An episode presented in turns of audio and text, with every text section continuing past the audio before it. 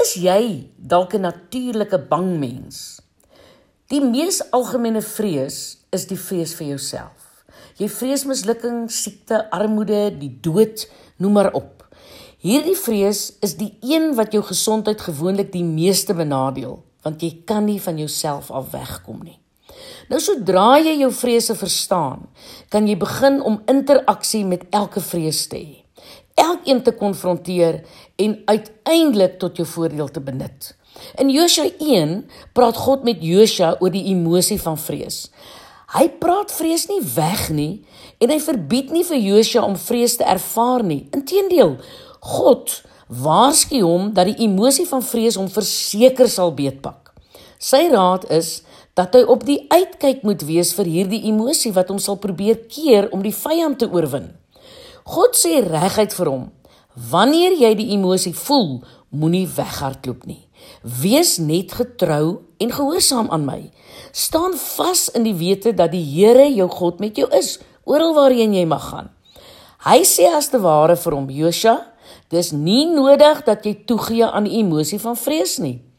Josua, as dit jou tref, hoef jy nie lam in jou bene te word nie. Jou mond hoef nie op te droog nie en jy hoef nie hartklopings te kry wanneer jy dink aan wat voorlê nie. Onthou, ek is met jou. Die stryd is myne, nie joune nie. En wat wat daarvan as ek nie die vrees afgeskit kry nie?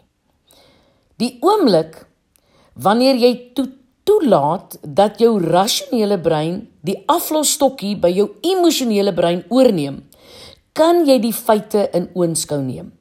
Jy kan jouself daaraan herinner dat daar wetenskaplik bewys is dat 60% van ons vrese totaal ongegrond is.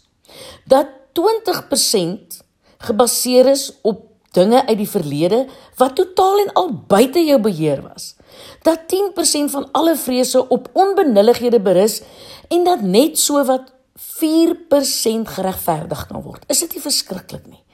Die uitdaging is om positiewe aksie te neem in die teenwoordigheid van vrees.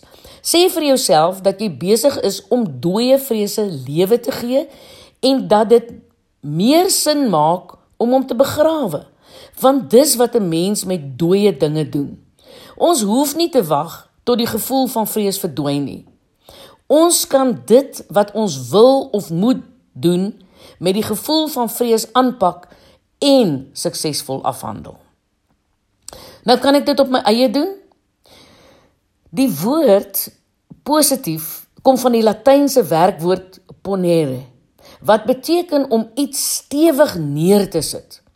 As jy oefen om positiewe gedagtes, woorde en dade ferm in jou lewe neer te sit, gaan jy binnekort verras word deur die sigbare oorwinnings oor jouself. Begin sommer vandag ook om jou liefdeswoorde stewig neer te sit in ander mense se lewens. Dit is belangrik om 'n rustige siege te ontwikkel wat nie vol kinkels, komplekse en obsessies is nie. Algaande sal jy sal jy rustige rustiger word, jy sal 'n rustige gemoed begin ontwikkel uh, waar daar nie wegkruipplek vir vrese en fobies is nie. Nou, wat wat daarvan as my vrese te veel of te groot is? Wat dan? Nou wanneer jy vrees voel, onthou dit slegs 'n gedagte. Moenie daaraan toegee nie. Haal diep asem en dink aan die talryke beloftes in die woord wat jou in oomblikke van onsekerheid bystaan. Ek kan amper nie vir jou ander raad gee as om te sê gebruik die riglyne uit die Bybel wat jou wapenrusting kan word. Skryf die tekste neer, plak dit op waar jy dit kan sien, by jou rekenaar, in die kombuis, in jou badkamer, in jou slaapkamer.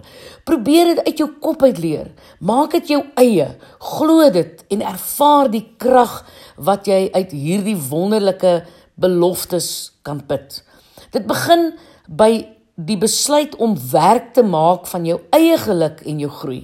Oefen om bly en dankbaar te wees. Dis iets wat jy daagliks en aanhoudend moet doen. Troos jouself met hierdie woorde uit God se hart.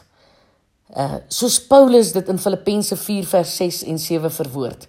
Wees oor niks besorg nie, maar laat jou begeertes in alles deur gebed en smeking met danksegging bekend word by God. En wat gaan dan gebeur? Hy sê en die vrede van God wat alle verstand te bowe gaan, sal jou hart en jou sinne bewaar in Christus Jesus.